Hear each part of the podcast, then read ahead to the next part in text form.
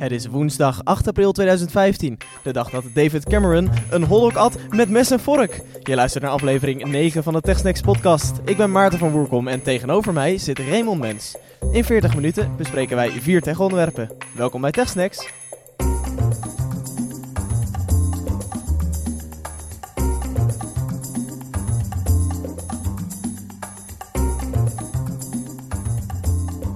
Nou, het is een weekje niet geweest, hè Maarten? Ja, klopt. Uh, het griepje wat heerste, dat was toch iets te hardnekkig om uh, TechSnacks door te laten gaan. Ja, helaas. En het lag aan mijn kant, maar inmiddels weer helemaal hersteld en helemaal beter. Dus klaar voor een nieuwe TechSnacks.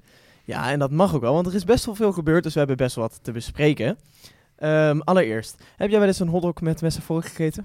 Nee, nog nooit. Eigenlijk koop ik alleen wel eens een hotdog als ik bij de IKEA naar buiten loop. Daar staat er zo'n dingetje van hotdog 50 cent. Ja, en nou ja, dat is de enige keer dat ik een hotdog eet eigenlijk. Oké, ja, nee, David Cameron heeft dat dus wel gedaan. En dat is nu een hele, hele rel. Want uh, mensen vinden dat uh, kakkineus. En uh, de echte Engelsman wordt niet meer herkend in, in Mr. Cameron. De echte Brit die eet gewoon lekker met zijn handen. Precies. Um, lekker snacken, maar we gaan tech snacken. Zeker. En we gaan beginnen met Tidal. Oh, de nieuwe streaming service van Mr. Rapper Rapper Jay-Z. Mr. Jay-Z heeft Tidal een, nou ja, het is niet helemaal zijn eigen rap, moet je mij horen, zijn eigen rap, zijn eigen muziekservice. Um, JC heeft Tidal een nieuw leven ingeblazen. Het is gelanceerd vorig jaar in november 2014 in de States, zeg ik uit mijn hoofd. En JC heeft dat uh, nu bedacht om um, Tidal, zeg maar, het uh, Spotify-concurrent van de artiest te maken. Dat ging met een heleboel bombarie en met een heleboel namen op een podium. En uh, onder andere Alicia Keys, die vertelde toen even wat um, Tidal nou eigenlijk inhoudt. En dan gaan we even naar luisteren. We announced the launch of Tidal, the first ever artist-owned global music and entertainment platform.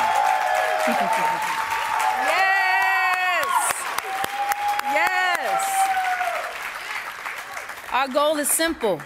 We want to create a better service and a better experience for both fans and artists. And that is our promise to the world. Our mission goes beyond commerce, it goes beyond technology. Our intent is to preserve music's importance in our lives. Music is the language of love, of laughter, of heartbreak, of mystery. It's the world's true, true, without question, universal language. There's not a soul living that can deny its impact. Oh my god. Oh my god. The, the language, the, the, the language, the music. Nu, met een nieuwe dienst. Met een geweldig simpel idee. Uh, nou ja, het, ze was wel heel bevlogen, dat kun je wel zeggen. Ja, ze was heel bevlogen, maar ik moest heel erg lachen. Our mission is simple. Um, it goes beyond commerce and it goes beyond technology. En daarom komen we met een service waarbij we zeggen dat de kwaliteit heel goed is, omdat we top-notch muziek aanbieden van hoge kwaliteit volgens de nieuwste techniek. En we doen het 20 euro per maand. Ja, dat is een beetje het dingetje met Tidal. Hè? Het kost 20 euro per maand voor uh, het high-quality abonnement, dus met ongecomprimeerde super studio kwaliteit. En 9,99 voor de gewone MP3-versie, die net zulke goede kwaliteit geeft als Spotify. Ja, zeker. Dat is inderdaad het, het idee achter, uh, achter Tidal. Um, ze, ze hebben dat, wat je hoorde, was een, uh, een fragmentje tijdens een perspresentatie. En een super ongemakkelijk bijeenkomen was dat. Van een zaaltje wat net iets te ver van het podium af zat. En mensen die net iets te enthousiast aan het juichen waren dat het net niet helemaal realistisch was. En um, daar stond namelijk op het podium een hele bump met, met grote namen. Alicia Keys was dus aan het babbelen. En daar stonden mensen van Arcade Fire, Beyoncé, Calvin Harris, Coldplay, Daft Punk, Jake White, Jason Olsen, Kanye West, Deadmau5, Nicki Minaj en Rihanna stond er. En Usher stond er ook. Ja, heel, de hele muziekwereld, de hele commerciële muziekwereld, die was er gewoon, hè? Ja, de hele commerciële muziekwereld die stond daar uh, op dat podium een beetje ongemakkelijk te staan. Uh, het mooiste waren de, de heren van Coldplay die op een, uh, op, een, op een grote tv daar op dat podium stonden, want die waren via Skype aanwezig. Voor de rest hebben ze helemaal niks gezegd. ja, klopt. Ze hadden ook een poster kunnen ophangen, maar het was een hele rare, ja, ongemakkelijke, tenenkrommende perspresentatie. En ze moesten ook iets tekenen, een soort van convenant? Ja, want dat is het idee van Tidal. Het is dus um, de muziekservice van de artiesten. Dus al deze mensen zijn een stukje eigenaar van Tidal geworden. Oké, dus het is uh, voor artiesten en van artiesten. Ja, en voor mensen die van muziek houden. En de missie is dus, en dat is het, het rare van Tidal, want dat druipt er aan alle kanten af. We weten eigenlijk niet zo goed hoe we ons nou moeten onderscheiden. Maar als we maar heel hard roepen dat um, het van heel veel bekende artiesten is en dat we voor de kunst zijn, want dat werd in, een, uh, in interviews ook enorm benadrukt. Ja, het is art en we zijn artists en het is voor de kunst en dat willen we graag op deze manier profileren door goede kwaliteit te bieden. En um, dat is ook een beetje wat, wat, wat Alicia Keys dus zegt. Our mission goes beyond commerce, beyond technology. Maar eigenlijk weten ze niet zo goed waar ze zich op moeten onderscheiden. Nee, want het is toch allemaal gewoon een muziekstreaming service die hetzelfde klinkt als je een beetje earpods in hebt. En uh, ja, ze bieden allemaal streaming muziek aan voor een bepaald abonnement per maand. En ik denk niet dat de gemiddelde consument nou zo met die artiesten in zit. Dat hij denkt, oh nee, die andere services zijn zo slecht voor de artiesten. Nee, ja, dat, dat is Want volgens mij al die artiesten die je opnoemen, Alicia Keys, Coldplay, Daft Punk, Usher Rihanna, Nicki Minaj, zitten er best wel warmpjes bij. Hebben die het wel nodig? nou ja, dat was inderdaad ook bij. Uh, bedoel, die zijn gemaakt door de commercie natuurlijk, die mensen. Um, het, zou interessanter zijn als daar een berg singer-songwriters uh, stonden die nou ja, vanuit de, de metro in New York uh, zichzelf omhoog hebben gewerkt. Dan, dan heb je inderdaad een verhaal, vind ik. Maar als, als Madonna daar staat uh, te vertellen of, of Rihanna daar staat te vertellen van... Um, nou ja, um, kijk eens hoe geweldig wij tegen de commercie zijn. Ja, sorry, maar dat... niet echt geloofwaardig. niet echt geloofwaardig. Nou, het verhaal klopt dus niet helemaal, maar je hebt het ook even gebruikt, hè? En ook de, de high-quality versie. Ja, dat, ik was echt um, meteen overtuigd. Ik hoorde namelijk helemaal geen verschil. Dus, um, en ik heb best wel goede oortjes. Gaan we het zo meteen even over hebben. Maar uh, dat komt later in de, in de TechSnacks podcast. Maar nee, ik was niet overtuigd van de, van de kwaliteit. Ik, ik hoorde nauwelijks verschil. En misschien ben ik nu wel een barbaar en hoor ik het wel te horen. Maar um, nee, sorry, ik kon er niks uit opmaken. Wat wel interessant is, en dat is natuurlijk um, wat, wat, waar Tidal nu misschien um, de, grond, uh, de grondslag van is, het, het fundament van is, is dat heel veel artiesten zich nu gaan uh, actief uitspreken over een service, een, een muziekstreaming service, die zij uh, prefereren. Dus dat betekent, en dat zie je nu ook wel op Tidal, dat er een aantal dingen exclusief, uh, exclusief opkomen. En dat die dus niet op Spotify en niet op Deezer gaan verschijnen. Nee, Taylor Swift is een bekend voorbeeld, hè? Taylor Swift is een bekend voorbeeld. Die heeft gezegd, ik wil niet op Spotify. Um, en is Tidal Taylor Swift approved? Ik weet niet, uh, dat heb ik niet uitgezocht. Wat ik wel uh, heb gevonden is Lily Allen, die de uitspraak heeft gedaan dat Tidal op deze manier de piraterij gaat bevorderen. Want um, ja, zij is dus ook van mening dat Tidal de, de polarisatie binnen de muziekstreaming uh, aanbod, dat Tidal dat nou ja, aanzet. Mm -hmm. doordat ze een aantal namelijk koppelen aan een streamingdienst. En dat mensen dus moeten gaan kiezen of meerdere abonnementen nemen. Um, of uh, muziek niet luisteren. Maar de makkelijkste weg is natuurlijk om te zeggen: ik neem één Spotify-abonnement. En wat er niet op komt, nou, dat trek ik wel even van de donkerhoekjes van het internet. Ja, als je bijvoorbeeld geen Taylor Swift kan vinden op Spotify, dan is het inderdaad het, niet het makkelijkst om ook nog een tientje per maand te gaan betalen voor Tidal met Taylor Swift. Om gewoon te zeggen: ah, de Pirate Bay, nieuwe album Taylor Swift. Nou, dat heb ik binnen een paar minuten binnen. Ja, precies. En ik betaal toch al wel voor muziek. Hè? Ik doe toch al wel wat voor die artiest, omdat ik een Spotify-abonnement betaal. Dus dan mag dat wel. Dus Lily Allen is van mening van ja, dit bevordert piraterij. En ik ben eigenlijk wel benieuwd, eh, kun je je daar ook in vinden of niet? Ja, ik ben het wel mee eens dat de jungle aan muziekstreamingdiensten niet veel groter moet gaan worden. We hebben dan Tidal, Deezer hadden we al, Spotify hebben we al, Apple komt met iets nieuws. En je weet wat voor muziekstreamingdiensten er nog meer bij komen. De enige muziekdienst waar ik wel in zou geloven, maar misschien is dat ook meer een niche, is um, een muziekstreamingdienst die geen bekende artiesten op weg helpt, maar alleen onbekende singer-songwriters. Dus een soort van talentenplatform, wat je dan voor een kleiner bedrag, waar je die artiesten mee kunt steunen. Ik weet niet of het haalbaar is, maar daar zou ik er nog wel wat in zien. Maar ja, commerciële muziek hoor je eigenlijk ja, overal wel te krijgen. En Spotify heeft zo'n enorme uh, voorsprong, dat ik niet denk dat Tidal echt het wereld van verschil gaat maken. Nee, daar ben ik het helemaal mee eens. Nou, mocht je nou luisteren en denken van nou, daar kan ik ook uh, mijn ei wel over kwijt, dan kun je dat laten weten uh, via techsnacks.nl slash submit of via Twitter at techsnacksnl. We horen namelijk graag je reactie en dan... Um, we horen namelijk graag je reactie en dan komen we daar later terug um, in de uitzending, in de volgende uitzending. Ik wil het gaan hebben over wachtwoorden. Wachtwoorden, oh jee. Het blijft fascinerende stof. Nou, gelukkig hebben we tegenwoordig eh, apps als OnePassword of LastPass, waarmee het redelijk makkelijk te doen is om je wachtwoord op te slaan. En Apple heeft zelfs zijn eigen iCloud keychain. Windows heeft niet iets, maar dat gebruikt nog niet iedereen. En in het verleden zeker niet. Dus niets houdt mensen tegen om nog handmatig wachtwoorden aan te gaan maken. En er is een website, WP Engine, en die heeft een groot uh, nieuwe sectie opgezet. Die heet Unmasked. Die hebben een dump van 10 miljoen passwords van diverse providers, onder andere Gmail, die gelekt zijn, hebben ze helemaal geanalyseerd. En dan krijg je uiteraard de 10 meest gebruikte wachtwoorden, maar zij zijn veel verder gegaan. En uh, dat is wel interessante statistiek over het gemiddelde wachtwoordgebruik van het gemiddelde internet. Nou, natuurlijk, de vijf meest gebruikte wachtwoorden zijn natuurlijk op 1, 1, 2, 3, 4, 5, 6. Op 2, paswoord. Op 3, 1, 2, 3, 4, 5, 6, 7, 8. Oh, veel beter. Op 4 en op 5, 1, 2, 3, 4, 5, 6, 7, 8, 9. en zo gaat het nog even door. Maar tegenwoordig, hè, er zijn heel veel websites die uh, proberen dat uh, uh, tegen te gaan, dat standaard wachtwoorden. Die zeggen, nee, luister, je moet er ook een nummer achter zetten achter je wachtwoord. Dan is het al een stuk veiliger. Nou, ook dat heeft WP Engine geanalyseerd. En wat blijkt, als mensen een nummer in moeten voeren, dan typen ze simpelweg een 1 achter het wachtwoord. Meer dan 10% van de uh, wachtwoorden die zij vonden die op een nummer eindigden, eindigden op 1. Ja, dat is ook wel logisch. Dat ja. is eigenlijk, ja, als je toch snel een wachtwoord. Ik heb nog nooit dat ik dacht van, nou, ik neem even de tijd voor het aanmaken van een account voor iets.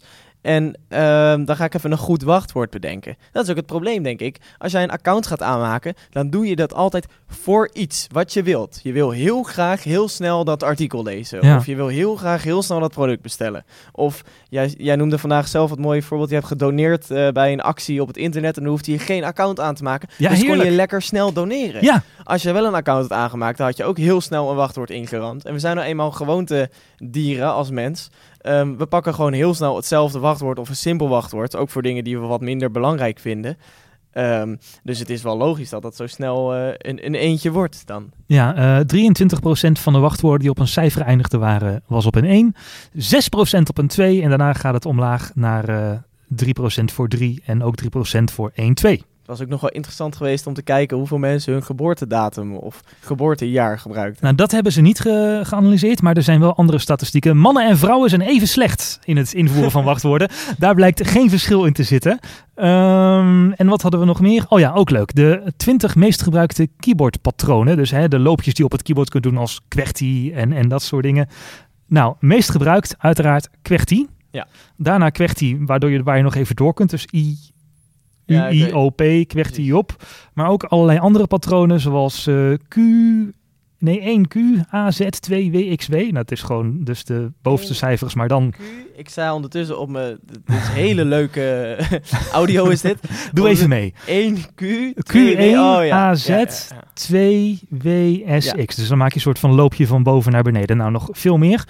Maar één loopje wat wel heel erg opviel... en wat ze niet meteen konden verklaren... was het loopje ADG, Ja. JMPTW. Ik heb hem even meegedaan, maar ik zie inderdaad ook geen makkelijk patroon.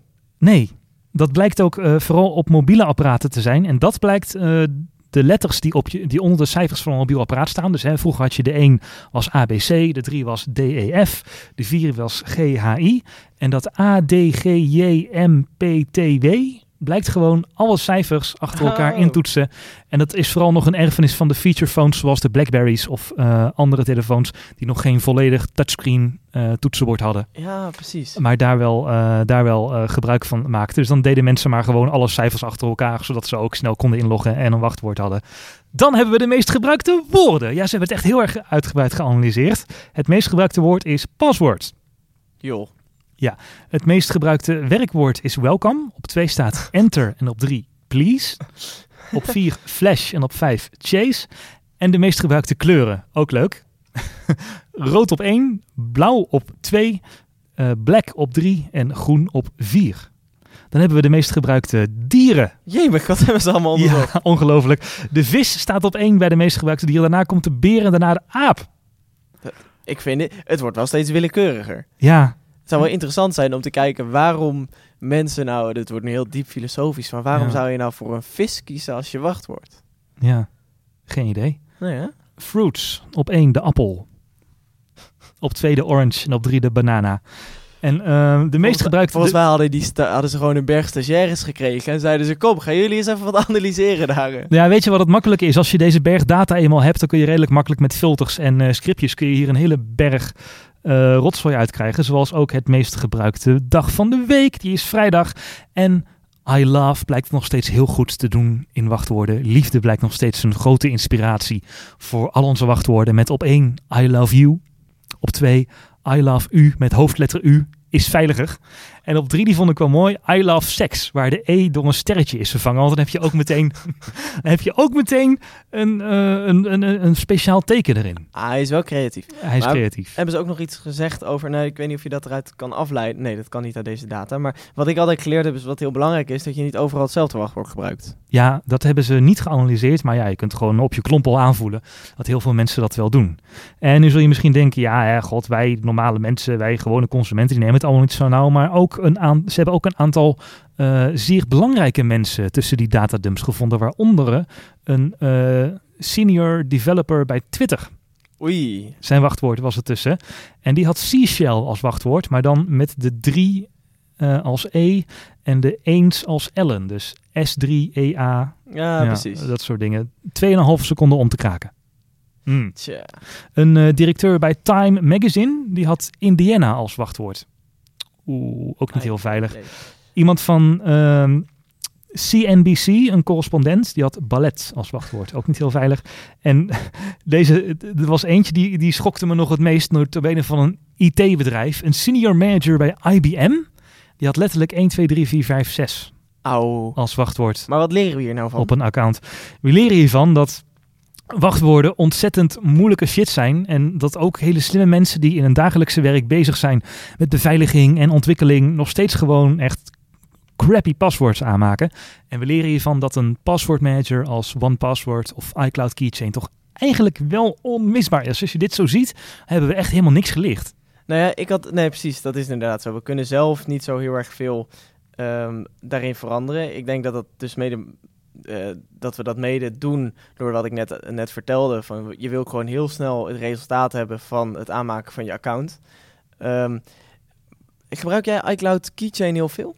Ja, als ik een wachtwoord kan laten aanmaken bij iCloud Keychain, dan probeer ik het wel altijd te laten doen. En dan synchroniseert het. En het gaat in de helft van de gevallen goed. Ja, precies. Dus daarom durf ik nooit zo goed van die zelf voorgestelde wachtwoorden van iCloud. eh, Ja, ik stoot even met mijn hoofdtelefoon tegen de microfoon aan hier. We zitten, niet, we zitten nu tegenover elkaar. Dat is leuk om te vertellen misschien. We zitten nu tegenover elkaar in de studio van One More Thing. En niet in onze thuisstudio's. En we zitten nu ook met een grote koptelefoon op. En dat doen we normaal nooit.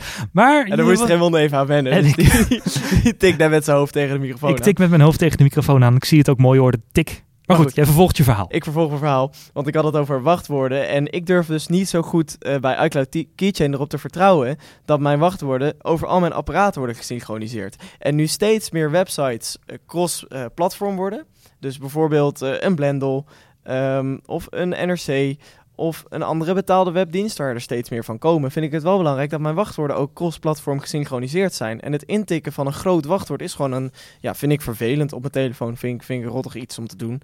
Dus daarom betrap ik mezelf er nog wel eens op dat ik nog wel eens hetzelfde wachtwoord gebruik wat makkelijk te... Oh, dat moet ik natuurlijk niet zeggen. Nee, zo heel veel mensen... Nee, 1, maar... 2, 3 Maarten. Precies, nou ja, zo makkelijk is het ook weer niet. Maar het is wel iets wat je, wat je makkelijker typt. Omdat die hele ingewikkelde combinaties zijn gewoon lastig te onthouden. En het is ook, ik wil niet eh, al te veel gaan ranten, maar ook een beetje de schuld van eh, websites. Als je bijvoorbeeld bij een eh, telecomprovider een wachtwoord aan wil maken, dan moet het niet langer zijn dan 12 tekens en er mag bijvoorbeeld geen speciaal teken in zitten. Nou, wat doet iCloud Keychain zelf al? Die gaat al een heel lang wachtwoord maken en die gaat het al met speciale tekens opvullen, meestal streepjes in iCloud. Ehm, ja, en dat is dus best wel lastig dat je wachtwoord weer niet compatible is met je wachtwoordbeheer-app. En ja, over wachtwoorden is het laatste nog niet gezegd. En ik denk dat we ook nog steeds wel door blijven sukkelen met accounts van celebrities die gehackt blijven worden. Als je ziet wat zelfs al developers en IT-managers voor wachtwoorden gebruiken. Oei, oei, oei. Ja, één ergernisje nog aan iCloud Keychain is dat ik op één website heb ik meerdere accounts waarmee ik moet inloggen. Dus de webmail Ja. van TechSnacks. En dan doe ik mijn iCloud Keychain. En ehm, dan kan ik maar één e-mailadres. Oh, dat herkent hij automatisch. Ja, ja, ja. En die andere krijg ik gewoon niet tevoorschijn. Ja. Dus dat is even nog een ergernisje bij iCloud Keychain. Ja, er zijn wel betere. eh, hè, als, je er niet voor, wil- als je er niet voor wil betalen, is iCloud Keychain een aardig begin. Maar OnePassword schijnt wel echt heel veel beter te zijn. Maar ja, dat kost meteen 50 euro. Ja, dat heb ik nog niet geprobeerd. En Maar hoeveel is een wel- veilig wachtwoord je waagt, is dan de vraag. Zeker. Nou, als je, het wil, eh, als je nog meer stats wil zien over eh, wachtwoorden en fails van mensen, wpengine.com slash unmask. Zet het ook even in de show notes. Zekers. Nou, misschien komt dat OnePassword dan nog wel een keer terug in onze rubriekje. En dat gaan we nu doen. Ons rubriekje Nieuw in ons leven. Dat hebben we een aantal uitzendingen geleden geïntroduceerd. En daarin bespreken we welke apparaten of diensten of services. Dat is uh, dienst in het Engels. Dat is namelijk Ja. heel erg anders. welke eh, er nieuw in ons leven zijn. En dat delen we graag met jullie, want dat gaat natuurlijk over techniek. Eh, wat is er nieuw in jouw leven, Raymond? Ik heb Vodafone geditcht. Oh jee. Althans, in het proces van Vodafone ditchen. En ik ben overgestapt naar onze groene vrienden van KPN. Ah, ik ook. onze goede, maar groene. Groene vrienden, ja, Ja. precies. Van onze rode naar de groene. En eh, ik was eigenlijk vijf jaar klant bij Vodafone. En dat beviel me eigenlijk, vier jaar beviel me dat prima. Want toen had ik namelijk een abonnement met onbeperkte data. Nog zo'n 2010 abonnement, wat, eh, wat, eh, waar ze nog niet telden. En het was toen heel normaal dat je voor een tientje onbeperkte data had. Maar dat hebben ze afgeschaft. Dus ging ik naar een Vodafone Red abonnement. Wel met dikke korting. En ik dacht in het begin, nou, met 6 gig per maand, prima, red ik het ook wel. Maar man, met die overstap kwam ik ook in het eh, systeem van Vodafone wat datatellen heet. En daar hebben ze nog niet helemaal door hoe dat werkt bij Vodafone. Het Ik gaat weet niet... dat je hier in de OMT Zomercafé podcast al mee bezig was. Dat was zomer 2014. Ja, Toen was je al aan het vloeken op Vodafone vanwege het tellen. ja, toen begon het inderdaad. Toen begon de fuck-up.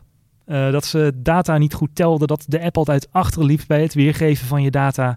En ehm, je data soms gewoon helemaal niet weergeven werd. Nou, eh, toen hebben ze op een gegeven moment hebben ze, zijn ze extra dingen in rekening gaan brengen.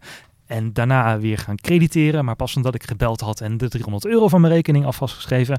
Maar het zou allemaal beter worden, want er kwam een nieuwe My Vodafone app en er zou het allemaal mee opgelost zijn.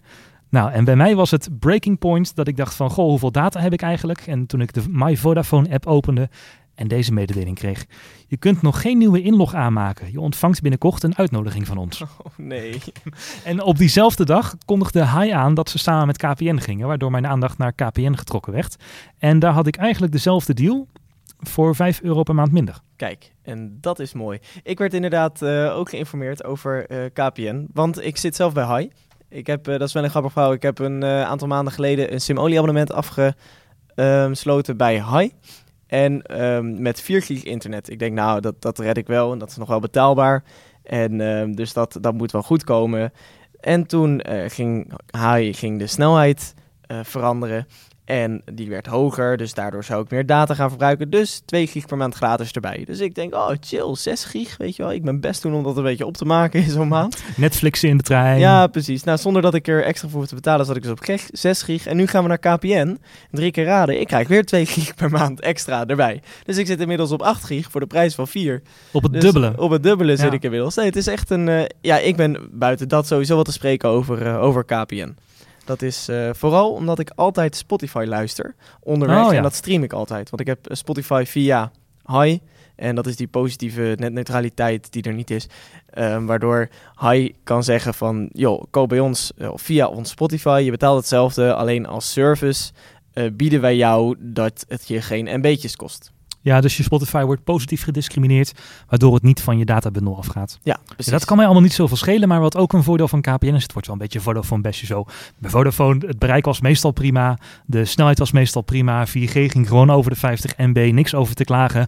Maar ik woon vlakbij Blaak en in de Blaaktunnel is er maar één provider die bereik heeft en dat is ook KPN, want die hebben de hele Blaaktunnel volgeplakt met repeaters. Ah, oké. Dus dan, onder, dan onderbreekt mijn radiostream niet als ik eh, onderweg via de TuneIn app radio aan het luisteren ben. Dus ehm, nieuw in mijn leven wordt vanaf 24 april KPN en eh, Vodafone. Daar gaan we naar vijf mooie jaren. Nou ja, mooie. Vier mooie jaren en één vervelend jaar. Terecht afscheid van nemen.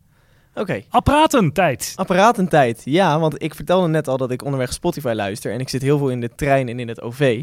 En ik weet niet of jij wel eens eh, daar muziek luistert. Sowieso zit ik veel in de stiltecoupé. Maar heel veel mensen hebben het, ehm, ja, het concept stiltecoupé toch niet helemaal begrepen. Nee, Het als je gisteren op Dumpert hebt gekeken, dan weet je waar we het over hebben. Ja, maar ook gewoon in, als je wel eens met de trein reist en je zit in de stiltecoupé. Heel veel mensen vinden het concept heel lastig. Dus ik wil bij deze ook graag even pleiten voor een soort van voorlichtingscampagne. Oh, nou, een stukje bewustwording. Goed, dat terzijde. Um, ik dacht, daar moet ik toch eens een keer wat mee. Dus um, op het moment dat ik mijn uh, oortjes uh, kapot trok, dat ging even mis. Ik bleef ergens hangen en toen heb ik mijn oortjes gemold. Okay. Dacht ik, ik moet wat nieuws. En toen ben ik... Uh, op het internet gaan zoeken. En toen dacht ik, is active noise cancellation niet wat? Ik heb namelijk uh, vlak voor een OMT live uitzending een paar weken terug een koptelefoon opgehad met active noise cancellation. En ik dacht, nou, dat is wel heel erg vet. Maar hebben ze dat niet ook in oortjesvorm en hoe goed werkt dat? Nou, de Bose heeft dat. En Bose kost 300 euro. En um, ik heb wel wat over voor mijn oortjes, maar ik ben ook een student en ik woon op mezelf. En dat kon ik gewoon niet betalen. Dus ik dacht, nou, één stapje eronder is er niet echt. Uh, Dan ga je naar de 75 euro, dus dat is wel fors minder. Maar ik ben te spreken over de kwaliteit. Toen had ik oortjes gevonden van Audio Technica. En wel, ik zal even de, de, de, de precieze code opnoemen. De ATH ANC 33IS. Prachtige serienummers en Prachtige namen altijd. En namen. Um, het, is, uh, het zijn oortjes. Het zijn vrij grote oortjes aan de, zeg maar, bij je oren. Dus het zijn in-eerdopjes. Alleen zit er ook nog een soort van bulpje van het uh, gewone oortje zit erop. Oké, okay, dus en dat is dan de microfoon of zo? Nou, dat, is in, dat helpt erbij. En um, in de draad zit een kastje, er zit een batterij in. En dat is het kastje wat uh, het geluid van buiten opvangt. En het zeg maar filtert en het contrageluid richting je oren gooit. Ja, dat is dus de effectieve noise cancelling. Precies. En het mooie van die oortjes, ze hebben er van die tipjes bij gestopt om in je oren te stoppen, die van een soort van um, foam zijn gemaakt. Je kent misschien wel die gele oordopjes, die je even moet kneden ja, en dan ja, in je oor stoppen en uitzetten. Dat Voor zijn events deze ook. bijvoorbeeld, ja. Precies. En um, nou, het maakt dat deze oortjes dus heel goed in je oren zitten, goed afsluiten. En als je die active noise cancellation aanzet, dan is het net alsof het is niet doodstil. Zo moet je het niet interpreteren, maar het is net alsof je met je kop onder water zit. Oké. Okay. Dus ik ben in de spits door Utrecht Centraal gaan lopen. En dan hoor je alsof je door een museum loopt of alsof je inderdaad onder water ligt. Hoor je op de achtergrond gemijmer en heel rustig. Maar ze brengen eigenlijk het omgevingsgeluid tot zo'n niveau dat je muziek het makkelijk overstemt. En is het beter dan de Boze of even goed als de Boze? Ja, de Boze heb ik niet kunnen testen, want dat, dat bieden ze nog niet aan. Nee, maar je had zo'n hoofdtelefoon op, toch? Oh, ik had, dat, was geen, dat was geen Boze hoofdtelefoon toen volgens mij. Dat was een telefoon van een ander merk. Okay. Um, active Noise Cancellation in een hoofdtelefoon werkt beter dan in oortjes. Oh, oké. Okay. Uh, want ja, oortjes blijf je toch meer uh, uh, ja, geluidslek hebben. En um, van, van wat er binnenkomt. En ja, zo'n over-ear koptelefoon sluit gewoon beter af. De noise cancelling. De noise cancelling. Ja, oh, wat ook heel mooi is, dat is eigenlijk waar, wat hij voornamelijk doet, is het weghalen van brommen en um, heel veel ruis. Dus als okay, je dus in de, de trein, trein, zit, ja, ja. dan heb je die airco. En als je in de bus zit, heb je brom van de motor. Die worden ook zo naar beneden gedraaid dat je muziek het makkelijk overstemt. Dat is wel fijn, want inderdaad, in de trein heb je vaak ook van die piepjes en die brommen of ja. scooters die voorbij rijden in de bus. Nou, uh, ik heb ook nieuwe hardware, maar ik twijfel nog een beetje. En daar heb ik eigenlijk een beetje, het gaat over productiviteit. Ik heb eigenlijk een beetje advies van de luisteraar nodig. Um, ik twijfel namelijk, ik heb nu een nieuwe 27-inch monitor gekocht, een 27-inch scherm, voorbij mijn MacBook. En ik had behoefte aan meer uh, workspace. Dus ik heb heel lang getwijfeld tussen of twee 22-inch schermen naast elkaar of één 27-inch scherm. Nou, uiteindelijk ben ik toch voor de 27-inch monitor van Philips gegaan. Uh, was niet heel duur, ook geen 4K, kan een MacBookje niet aan, maar 2,5K. Prima resolutie, groot oppervlak. Maar ik betrap mezelf er toch op dat ik niet optimaal van de ruimte gebruik maak die die monitor heeft. Komt ook door de slechte window management van OS X. Maar ik vraag me dus af, wat is, uh, heb jij een groot scherm of juist twee schermen als luisteraar als je productief probeert te zijn? En wat heeft jouw voorkeur? Want ik ben er nog niet helemaal uit of ik nou een grote monitor uh, nieuw in mijn leven wil hebben of toch misschien een tweede identieke scherm. Wat, wat misschien beter werkt met het positioneren van, uh, van vensters. Maar een grote monitor, mm, ik twijfel nog of die echt zo nuttig is. Uh, hoe pak jij dat aan? Werk jij wel eens met een groot scherm buiten je MacBook? Nee, eigenlijk nooit. Ik, als ik mijn MacBook gebruik, dan ben ik vaak onderweg. Of ik zit ergens in een bibliotheek. En op mijn bureau staat een 21,5 inch iMac. En die schuif ik gewoon naar me toe. Maar ik heb eigenlijk nooit dat ik het idee heb dat ik ruimte tekort heb. Ik gebruik nog wel eens mijn iPad naast mijn Mac om even snel wat op te zoeken of een aantekening te maken. Maar een groter scherm, nee, daar heb ik geen behoefte aan. Nee. Oké, okay, nou ik ben benieuwd naar het advies van de luisteraars. dat kun je insturen door te mailen naar reactie.techsnacks.nl of via de website techsnacks.nl slash submit. Of je kan een tweetje sturen naar techsnacksnl. En de vraag is dus, wat moet Raymond doen? Moet hij zijn grote monitor houden? Of moet hij hem binnen de 14 dagen retourrecht terugsturen en uh, toch maar een tweede 22-inch scherm aanschaffen? Ik wil het misschien wel alle twee proberen, maar ik ben benieuwd waar mensen betere ervaringen mee hebben. Geen abonnement op Tidal voor jou, maar wel een nieuw abonnement. Ja, op de NRC Next. Yay. Ja, ik ben al uh, een tijdje abonnee geweest. Toen heb ik het gestopt, want ik woon op de derde verdieping inmiddels. En dan moet ik s ochtends in mijn badjas door het traphuis naar beneden lopen om mijn krant te halen. niet praktisch. Nee, dat is niet praktisch. Nou had ik al een keer verteld in de vorige uh, Nieuw in Mijn Leven dat ik daarvoor een e-reader heb gekocht. En ja. uh, dat werkt wel leuk, maar ik merk toch dat ik snel artikel tussendoor lees op mijn telefoon of op mijn Mac. En het gave wat ik even wil aantippen in dit stukje over de NRC Next is dat zij recent hun site hebben geüpdate. En uh, dat je op die site dus echt de krant kunt lezen.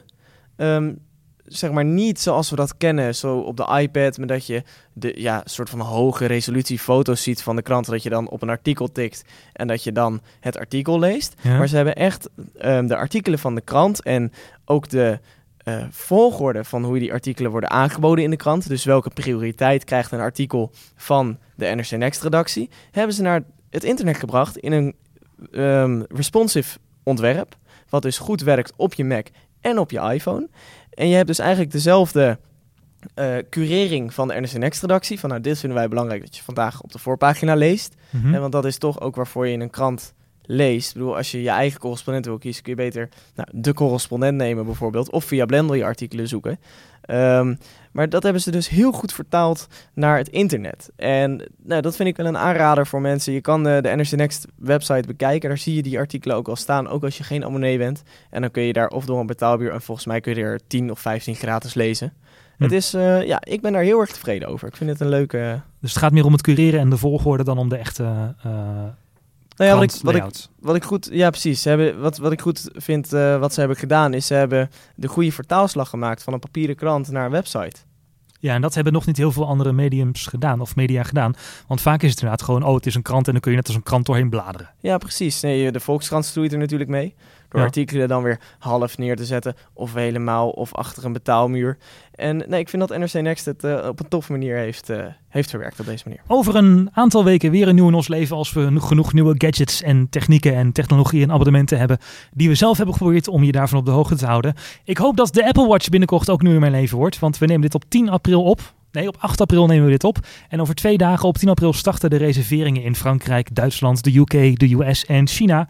En op 24 april is de Apple Watch te koop. En vandaag ineens, vlak voordat we de podcast opnamen, kwamen de grote media uh, sites en de grote kranten met hun reviews maar wacht even, op de proppen. Je noemde inderdaad de lancering al, maar volgens mij kun je dus niet, dat vond ik wel interessant, kun je dus niet als Nederlander naar het buitenland om daar je Apple Watch te halen, toch? Ja, op het moment van opnemen lijkt het er niet op te kunnen dat het kan. Het is nog niet heel zeker, maar laten we zeggen 99% zeker dat je niet als Nederlander naar het buitenland kan om een Apple Watch te reserveren. Okay. Heb ik op omt uh, onenorething.nl al uitgebreid over op geschreven. Wat ik niet heb geschreven is een review van de Apple Watch, want ik had hem nog niet. Maar onder andere The Verge, The Wall Street Journal en Bloomberg, die hebben de Apple Watch allemaal al een week mogen proberen en vandaag hun reviews gepubliceerd. Moeten we toch kijken of we met TechSnacks misschien niet in dat rijtje kunnen komen. Je, Bloomberg, The Verge, TechSnacks in Nederland en dan, nou, zo, toch? Dat ja, zou mooi zijn. Dat zou mooi zijn.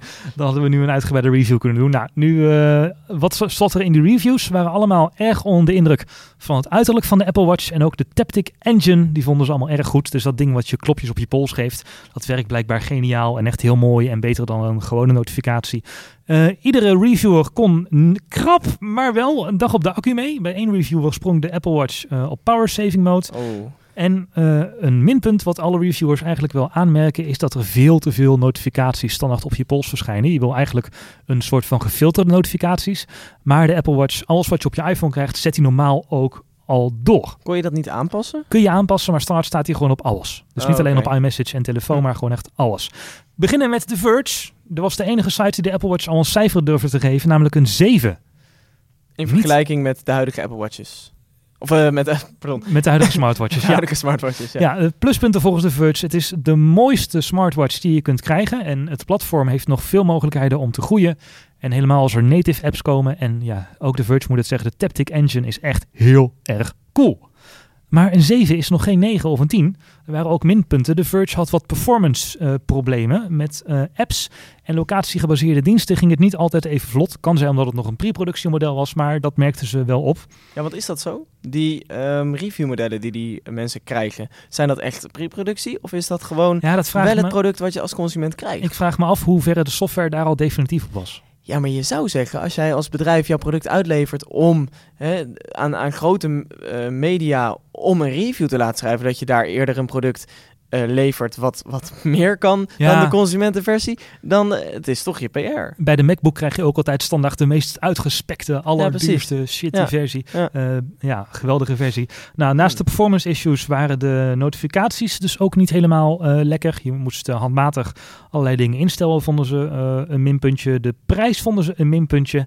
En The Verge snapte echt de geanimeerde emoji niet. Het was echt een nachtmerrie om die in te stellen. En ja, dus dat hadden ze er beter uit kunnen halen. Ze hebben een filmpje van 10 minuten gemaakt en dat heb ik even geknipt tot 1 minuut. De Apple Watch volgens The Verge. So that's the Apple Watch. It's so much more powerful than every other smartwatch and it's infinitely more stylish, but it's still a smartwatch. It can do a lot, but it definitely can't replace your phone and it really can't do much that your phone can't do. To be honest, it's a little unfocused. It's like it has half of every possible feature. It's a first real step towards what seems like a revolution in wearable computing, but it's definitely just a first step. So, should you buy it? I'm not convinced anyone actually needs a smartwatch yet, and there's nothing about the Apple Watch that really changed my mind. But there's certainly enough here to be interesting, and it's definitely the nicest smartwatch out there. But it's also one of the most expensive. So if you're going to get one, I'd only recommend the sport model for 350 or $400. You'll get all the same functionality as the more expensive versions, and Apple's definitely going to improve the software a lot over the next few years. But spending any more money than that right now seems silly. The Apple Watch is interesting right now, but I'd bet next year's model and the one after that will be the ones to actually buy.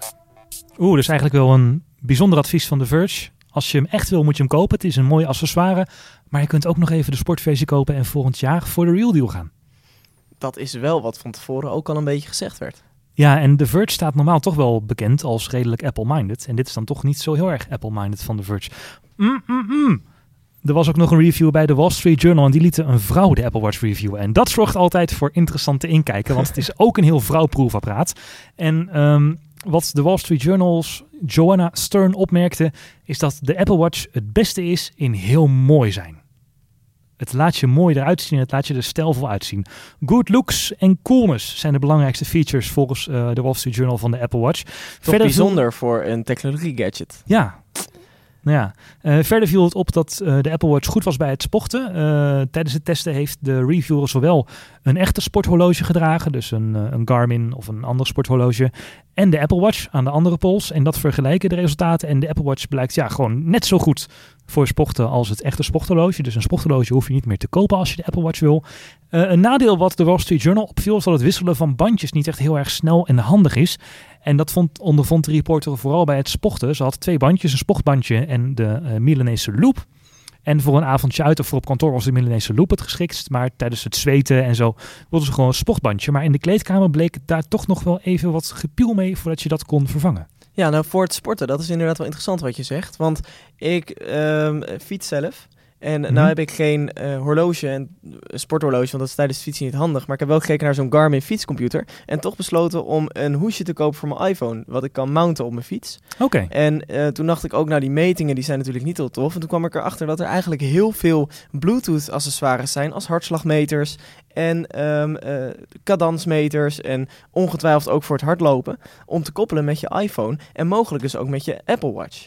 Wat maakt dat die metingen van uh, je hartslag misschien nog wel betrouwbaarder worden. Um, of even betrouwbaar mm -hmm. als Garmin. Als Garmin zelf ook de Bluetooth uh, banden gaat leveren die compatible zijn met de Apple Watch. Dus misschien is daar nog wel veel te bereiken voor, uh, voor Apple. Zeker met de Sport Edition. Ja, ik denk als je een Apple Watch koopt, dat je eigenlijk hem koopt om al die banden shit kwijt te zijn.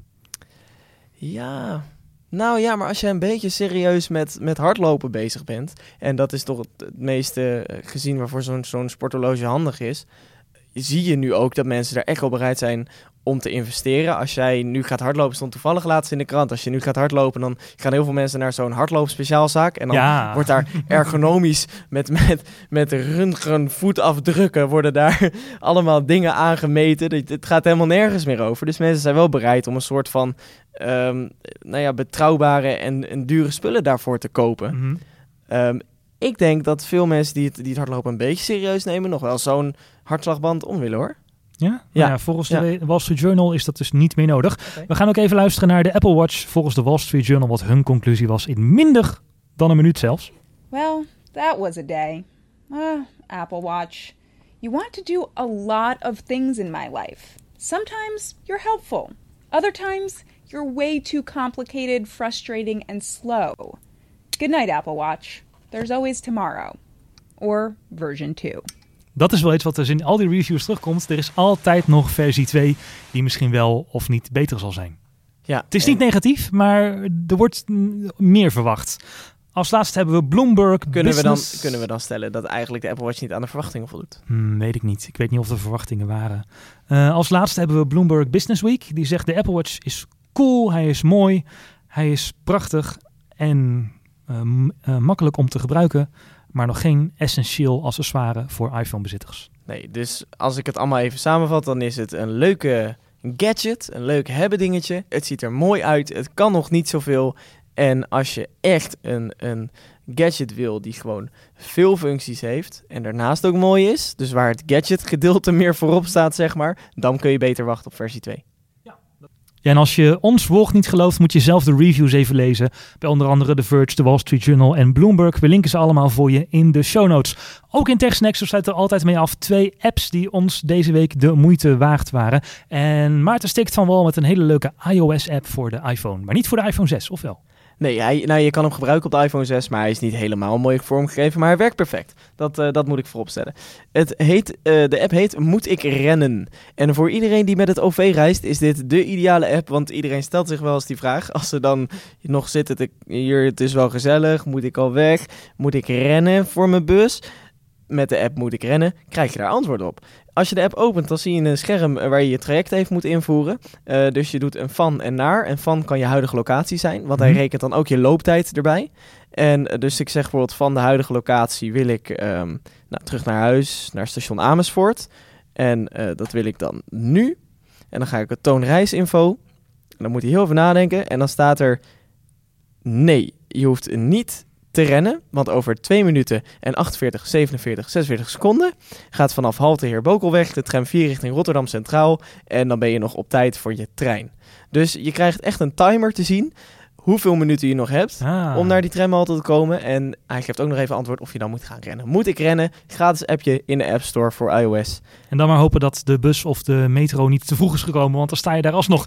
Maar dat terzijde, mijn app is voor OS 10 en die heet Spectakel. Ik heb er gisteren op Thing over geschreven en hij is zo goed dat ik hem je ook nog een keer moet tippen. Als Windows-gebruiker ken je waarschijnlijk het gemak wel, als je ooit Windows hebt gebruikt, van schermen naar de zijkant slepen, dat ze dan automatisch de helft van je monitor innemen. Dat heeft OS 10 niet. Daar worden schermen een soort van lappendeken over je hele scherm. Nou, Eén grote chaos. ja, Spectacle is een gratis appje. Het is een open source appje buiten de App Store om eh, wat eh orde schept in de chaos van schermen. Je kunt op schermen een derde van je schermen in laten nemen met een paar sneltoetsen naar de zijkant verplaatsen, naar de bovenkant, naar de onderkant, naar de linkerkant. Nou ja, window management on steroids, zal ik maar zeggen. Eh, met sneltoetsen dus. Spectacle gratis in de, buiten de OS 10 App Store.